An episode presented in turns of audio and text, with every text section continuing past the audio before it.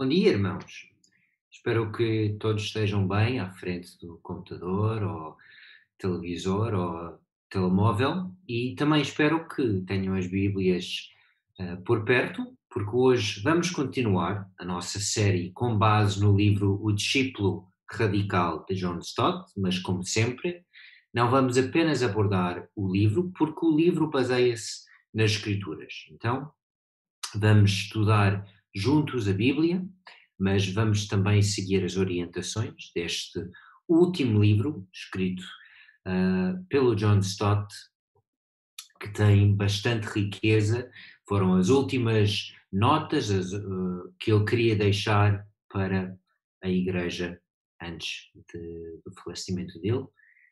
Então, hoje vamos prosseguir para o segundo capítulo do livro, que tem um tema muito ligado com aquilo que falamos ao longo das últimas duas semanas, que é semelhança com Cristo. Então, o nosso objetivo ao longo desta série é incentivar um compromisso com Cristo. É isto que é ser um discípulo, é aprender com Ele, é servir, é imitar, e que este compromisso é focado nas características básicas e essenciais, sem seletividade ilegítima, algo que falamos logo no primeiro domingo, que às vezes sentimos a tentação. Ah, eu gosto deste elemento de, da fé cristã, ou daquele elemento ali, mas daquilo que é essencial, aquilo que Jesus definiu como o básico da fé. Nós não temos o direito de dizer, ah, isto não é para mim. Então, nós vimos ao longo dos últimos dois domingos a primeira característica deste discípulo que procura ser radical, não no sentido de extremismo, mas no sentido de estar enraizado naquilo que é a essência da fé cristã. E que esta primeira característica implica estar dentro do padrão de Cristo e fora do padrão do mundo que nós não podemos ceder aos padrões que estão à nossa volta, o que mais importa é prestar atenção, seguir o padrão de Cristo. E logo isto leva-nos para imitar o exemplo dele, o que deve produzir em nós esta semelhança com Cristo, que é o tópico desta semana e das próximas semanas. E vimos que é esta ideia que está no coração de, do mandamento que é transversal à Bíblia, que é sejam santos. Santo, uma palavra que, que significa separado para um propósito específico. E já vimos que ser santo implica não cair em algumas das mentalidades deste mundo. E abordamos vários exemplos bastante específicos de mentalidades ou maneiras de viver que não são coerentes para com o padrão de Deus. O primeiro deles é o materialismo. É algo que é bastante comum na nossa cultura de correr atrás do dinheiro, dos bens deste mundo, de ter aquele carro, aquela casa, poder ir de férias para aquele sítio. E não há nada de mal, como é natural, em ter algumas coisas deste mundo. Precisamos dos bens materiais para viver, mas é uma questão de se isto é o nosso foco se é isto que é o mais importante, se é isto que nos motiva e impulsiona. Outra coisa igualmente inválido na vida do cristão é narcisismo. É um foco exagerado, egoísta em nós mesmos. De sempre querer ficar bem na fotografia, de sempre ser o foco de tudo. E se o nosso foco é ser igual a Cristo, o nosso foco não, o nosso foco não pode estar em nós mesmos. Outra mentalidade que não é válida para o cristão é o pluralismo. É dizer, existem muitas filosofias e religiões válidas, são todos os caminhos que vão chegar a Deus, porque isto não é o que Cristo indicou. Ele é o caminho, a verdade, a vida. E ninguém chega a ter paz com Deus Pai a não ser por Ele. E isto é um aspecto fundamental das Escrituras e é algo que nós temos que defender. Sempre com respeito para os outros, mas nós não podemos cair na tentação de dizer ah, tudo é válido, porque não é isto que as Escrituras ensinam. E o último perigo, e talvez destes todos, o mais difícil, porque é algo que é bastante forte na cultura do mundo ocidental, é o relativismo ético. De dizer, não há certo e errado, cada pessoa pode definir por si o que é a sua verdade e nós não podemos entrar nas verdades dos outros, não podemos criticar, não podemos avaliar. E a realidade é que Cristo é a base. As Escrituras apresentam a verdade de Deus.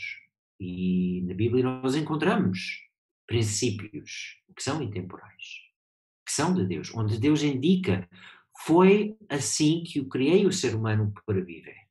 Se vocês querem felicidade, foi assim que Jesus abriu o famoso Sermão do Monte.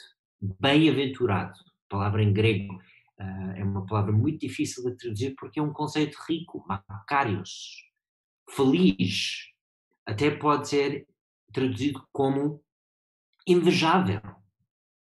Quem tem uma vida que os outros vão querer imitar, não é aquele que diz, ah, tudo é relativo. É aquele que diz, Deus sabe. E com temor, com alegria, com obediência, eu vou procurar seguir estas orientações dele. Porque é isto que vai trazer felicidade e bênção para a minha vida, é isto que vai ser melhor para a minha família, para a minha sociedade, para os meus projetos, para os meus negócios. Então, assim não podemos cair no relativismo ético. Temos que dizer com todo o respeito, mas também com bases, com boa argumentação, com boa lógica, que existem princípios que são de facto intemporais, que Deus indicou e que nós não podemos negociar só porque as pessoas à nossa volta gostariam que uh, isto acontecesse. Então, nós fechamos e indicamos nós sempre conformamos a algo. O ser humano não é capaz de inventar uma coisa totalmente nova. Não há nada de novo debaixo do sol. Então, se vamos conformar a algo, a pergunta para o discípulo de Cristo é que será ao padrão de Cristo? Porque é este o nosso alvo. E é isso que leva-nos à segunda característica, que é esta semelhança com Cristo. É um conceito que nós encontramos em vários lugares nas Escrituras. Uma das mais claras é em Romanos capítulo 8. E há dois versículos, há um versículo talvez mais que o outro, no final do capítulo 8, que é muito citado. Muitas pessoas gostam de citar o versículo 28 que diz: Sabemos que todas as coisas cooperam para o bem daqueles que amam a Deus, daqueles que são chamados segundo o seu propósito. Um versículo que as pessoas gostam de citar, e com razão, quando as coisas não estão a correr bem, quando há alguma insegurança uh, nas circunstâncias da vida. Mas é muito difícil e até acho um pouco perigoso citar o versículo 28 sem levar em conta o contexto. Porque se nós citamos este versículo, sabemos que todas as coisas cooperam para o bem. E se nós pensamos um pouco, vale a pena perguntar, mas todas mesmo? Eu vi um ditado, não sei se é ditado português ou se foi ditado apenas desta pessoa, mas alguém uma vez me disse e fez-me pensar bastante: Deus dá nozes a quem não tem dentes. É uma provocação para quem é cristão, para quem acredita na bondade de Deus. Mas às vezes as circunstâncias da vida, para quem tem honestidade, para quem olha à sua volta e vê coisas que não fazem sentido. Por que é que Deus está a fazer isto? às vezes parece que Deus dá nozes a quem não tem dentes. E se nós não levamos o contexto deste versículo em conta, parece que Deus está a fazer uma promessa que em alguns momentos da vida pode parecer absurda. Mas como é que esta coisa que me aconteceu vai cooperar para o meu bem? Notaram a palavra que foi inserida quando eu citei este versículo agora? Todas as coisas vão cooperar para o meu bem. Meu não está no versículo original. Então, todas sim, se. E este se é bastante importante. Se nós estamos dispostos a aprender como Deus define o bem. Porque este bem neste versículo, o bem, não é necessariamente o meu bem. De novo, o relativismo pode entrar de modo muito sutil no nosso pensar. Não é o meu bem, não é, não é bem como eu quero definir. Então, como é que Deus define o bem? E é por isso que é tão importante levar o contexto em conta. Porque o versículo 29 vai definir precisamente o alvo para o qual todas as coisas vão cooperar. Porquanto aos que de antemão conheceu, também os predestinou para serem conformes à imagem do seu filho. É este o objetivo final. Semelhança com Cristo. Para serem conformes à imagem do seu filho, e depois indica a fim de que ele, Cristo, seja o primogênito entre muitos irmãos. Ou seja, Cristo é o modelo, mas deve haver muitos mini-cristos. E é isto que a palavra cristão significa. E essa palavra não foi inventada sequer pelos discípulos de Cristo. Foi aplicado por pessoas fora da igreja, na cidade de Antioquia, aos cristãos. Porque disseram, estas pessoas são tão semelhantes a Cristo que parecem mini-cristos, pequenos cristos. E é esta a origem da palavra cristão. Então, Cristo é para ser o primogênito entre muitos que têm semelhança com Ele. E este, sim, é o bem. É para este fim que todas as coisas cooperam. O sofrimento, a dor, as dificuldades, as alegrias também, tudo coopera. E isto parece algo muito ousado a dizer. Tudo coopera, mas há coisas horríveis que acontecem nas nossas vidas. Como é que isto pode cooperar para o bem? Agora, muitas vezes o que nos falta é a visão de Deus, a perspectiva dele, porque Deus tem uma perspectiva que nós não temos. Nós somos limitados pelo tempo. Vivemos apenas o momento presente, temos algumas luzes do passado para iluminar o presente, mas nós não sabemos o que vem pela frente e Deus tem uma outra visão da eternidade para as coisas. E um exemplo bem concreto, uma, um exemplo de várias gerações, é visível nesta fotografia. É um senhor, juntamente com uh, um senhor americano, o nome dele Nate Saint, e ele está com uh, um membro de um tribo nas Amazonas, um tribo que nunca tinha tido contacto com o mundo fora. E havia um grupo de cinco homens, cinco missionários americanos, que sentiram que Deus queria que eles levassem o Evangelho àquele tribo. E foi um tribo que tinha muito, muitas suspeitas do mundo fora, tinha alguns hábitos bem violentos, muito instáveis, e houve um mal entendido cultural. Os cinco homens fizeram contacto com uh, este grupo, mas por causa deste mal entendimento que houve, os cinco foram mortos. Os membros do tribo foram lá com, com lanças e mataram os homens. E os cinco homens, todos eles maridos, vários deles pais de filhos pequenos, morreram e eles tinham armas. Podiam ter morto ou pelo menos lutado contra, mas aceitaram a morte pacificamente. E a consequência da morte destes cinco homens. Talvez na altura, isto aconteceu na década dos 50, as famílias poderiam perguntar: como é que Deus pode usar este acontecimento? Cinco pessoas, cinco filhos de Deus, a morrer tragicamente, violentamente, no meio das Amazonas, a deixar viúvas, a deixar filhos sem pai. Como é que isto pode cooperar para o bem? Mas esta é uma visão logo depois daquilo acontecer. O, o homem que está à direita na fotografia anterior, preto e branco, este homem matou o homem que está do outro lado da, da fotografia.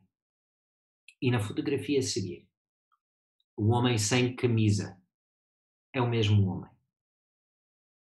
E o homem que está do seu lado esquerdo é o filho do homem que ele matou.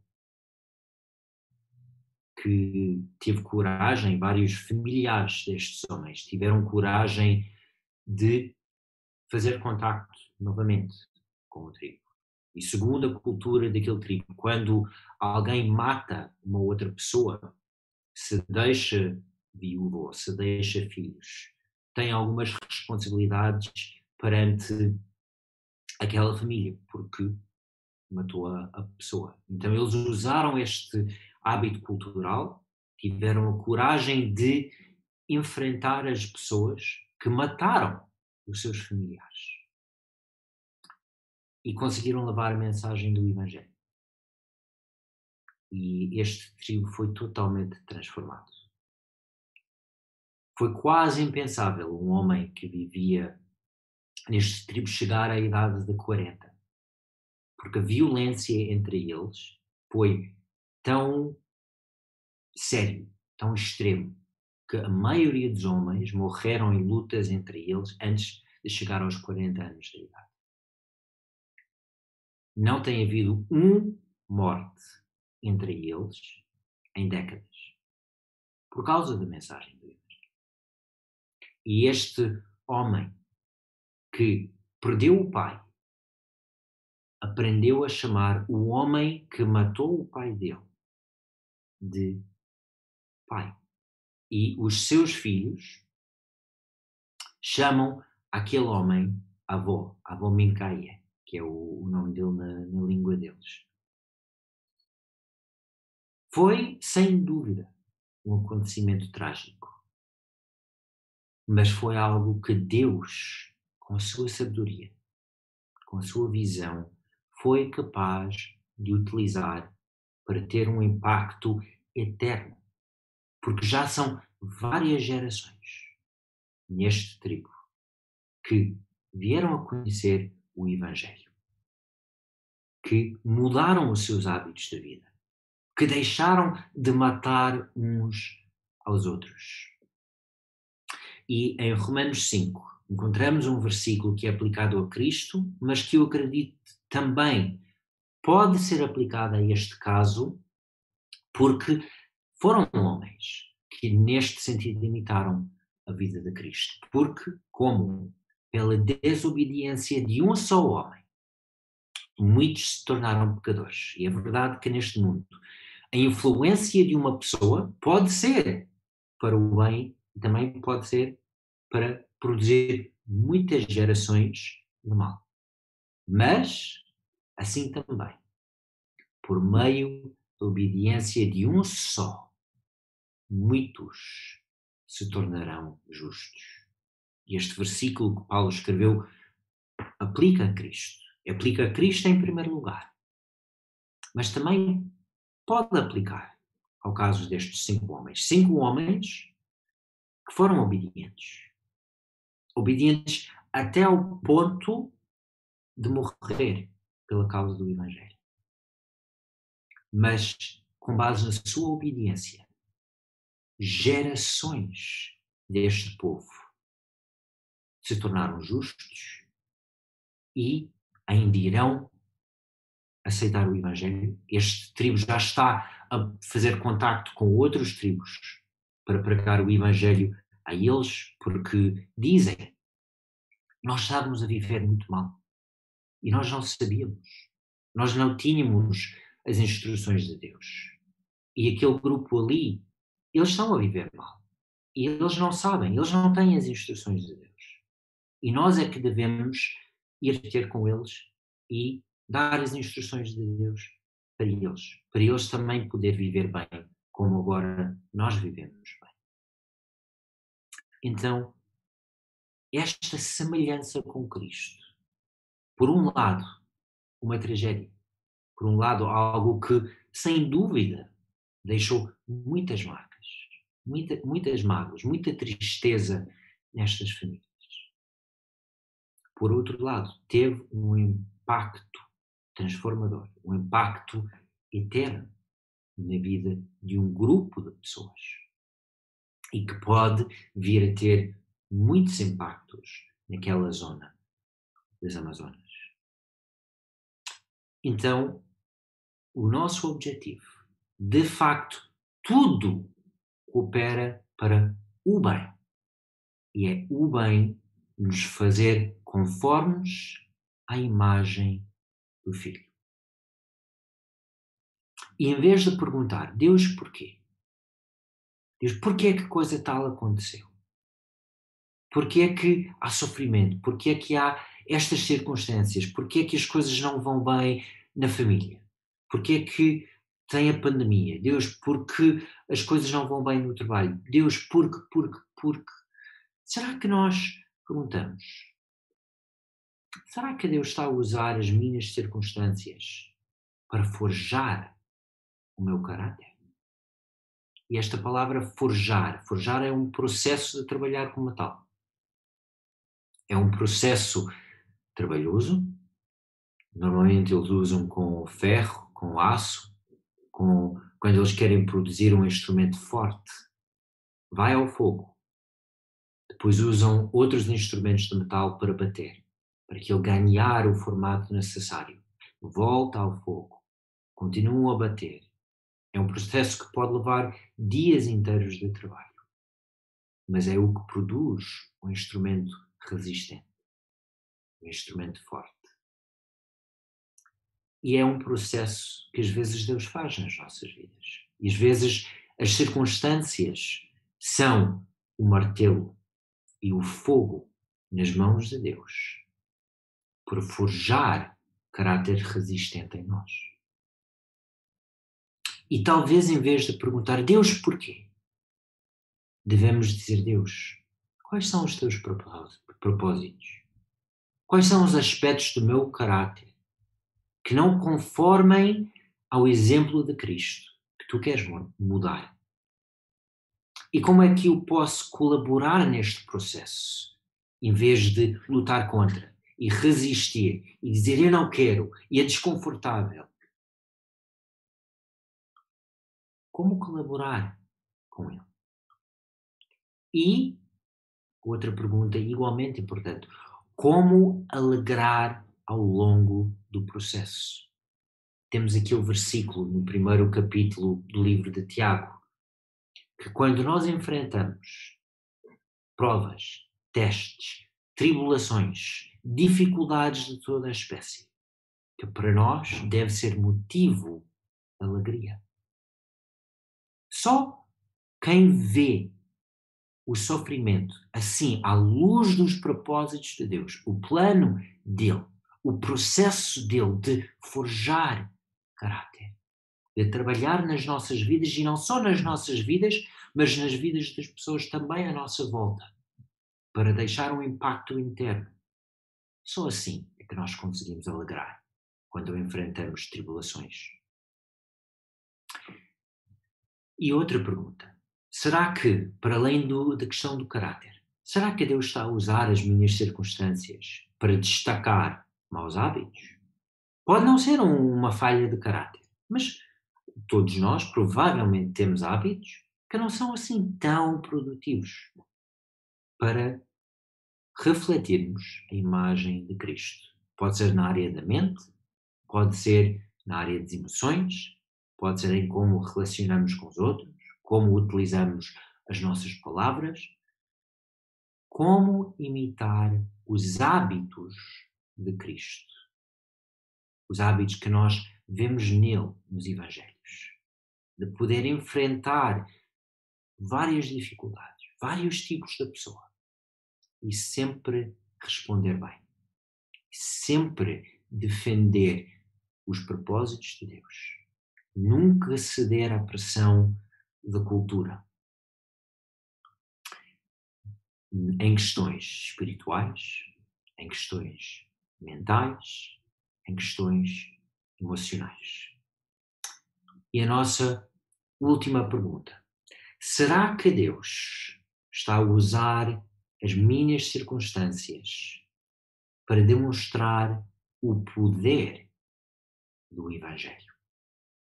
Foi o que Deus fez na vida daqueles cinco homens que morreram, mas que acabaram por demonstrar o poder do Evangelho. E Deus pode usar o sofrimento, Deus pode usar as coisas boas também para demonstrar o poder do Evangelho. Para as pessoas à nossa volta ver nas nossas vidas a diferença que Cristo faz. Porque quando as coisas estão mal, nós não reagimos da mesma maneira que eles iriam reagir. E que quando as coisas estão bem, nós também marcamos a diferença. Que nós sabemos utilizar os nossos recursos, que nós sabemos pensar nos outros, que nós sabemos incluir os outros. Todas as circunstâncias podem operar para o bem, a causa de Cristo e para produzir em nós semelhança com a imagem do filho. Então, a nossa última pergunta hoje. Conformes à imagem do filho, como ser sal e luz no meio destas circunstâncias? É evangelizar com e também sem palavras. Porque evangelizar com palavras é sempre importante. A mensagem do Evangelho é preciso comunicar.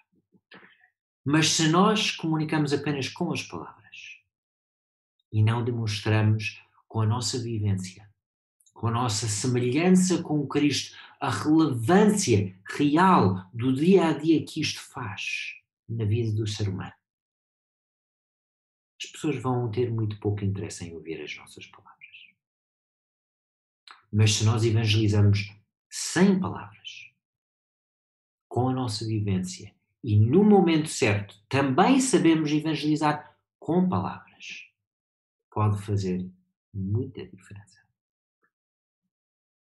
Então, o nosso alvo é de ser conformes à imagem do Filho.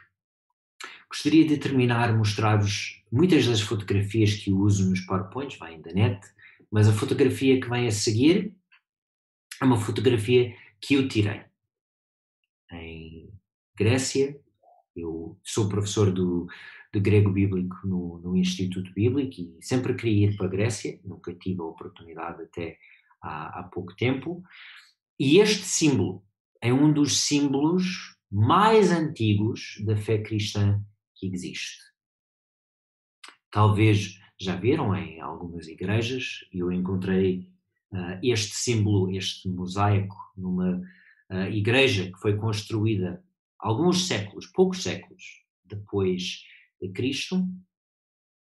E para quem não tem familiaridade com a língua grega, é um símbolo um pouco estranho. Parece um X, parece que tem um P que passa pelo meio. Agora, X e P em grego são as primeiras duas letras da palavra Christos. Cristo.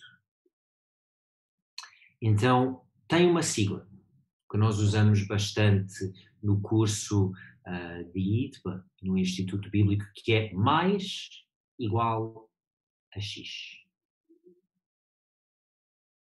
E algumas pessoas acham que, pronto, são símbolos matemáticos, mais, igual, X. Mas quem entende que X é para os cristãos, foi durante muitos séculos para os cristãos, uma referência à pessoa de Cristo, porque é assim que a palavra Cristo começa no grego, entende que mais igual a X é o nosso alvo. Porque o que nós queremos é de ser cada vez mais igual a Cristo.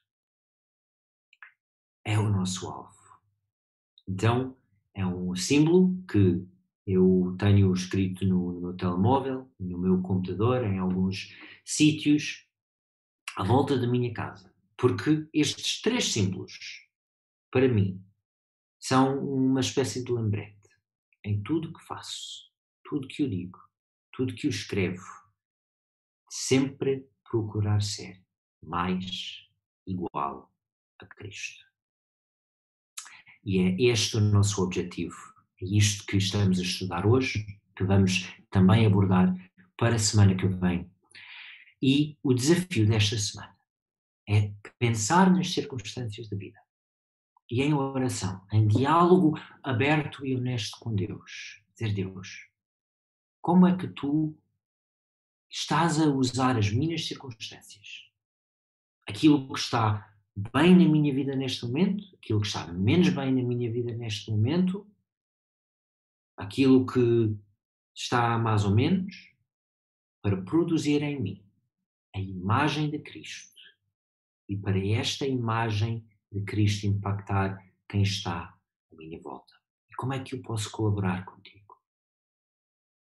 Como é que nós podemos levar o meu exemplo, o meu caráter, o meu impacto no evangelismo mais à frente, seguindo o exemplo de Cristo. Porque sabemos, é este o fim final, para o qual Deus vai usar todas as coisas da nossa vida para cooperar.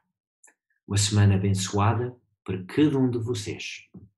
Uma semana também fundamentada na palavra, a procurar ser cada vez mais igual a Cristo. Um abraço para todos vocês.